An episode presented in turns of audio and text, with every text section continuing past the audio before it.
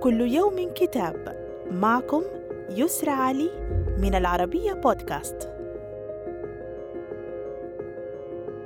نتناول اليوم كتاب سحر الإسكندرية من تأليف عالم الآثار الدكتور حسين عبد البصير. مدير متحف مكتبة الإسكندرية.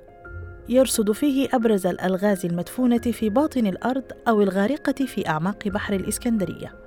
وما تثيره من أسئلة وعلامات استفهام حيرة تبحث عن إجابة واضحة حتى الآن. كما أن الإسكندر الأكبر أحد أعظم قادة العالم القديم والذي أنشأ الإسكندرية في عام 333 قبل الميلاد ونقل جثمانه إليها لا يزال العثور على مقبرته أحد أهم هذه الألغاز. ومن الألغاز التي يرصدها الكتاب وأثارت ضجة كبيرة اكتشاف تابوت سيدي جابر أو تابوت نهاية العالم كما أطلق البعض عليه وذلك على بعد خمسة أمتار من سطح الأرض داخل مقبرة أثرية وهو تابوت حجري ضخم من أكبر التوابيت التي عثر عليها في الإسكندرية.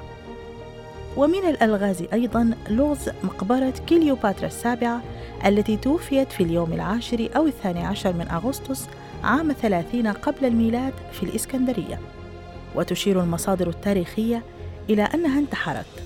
كما نجد فيه خرائط المقابر المجهولة وصور التماثيل النادرة ما أضفى عليه مزيدا من المتعة البصرية كما اتسم أسلوب الكاتب بالبساطة في السرد والتشويق في العرض.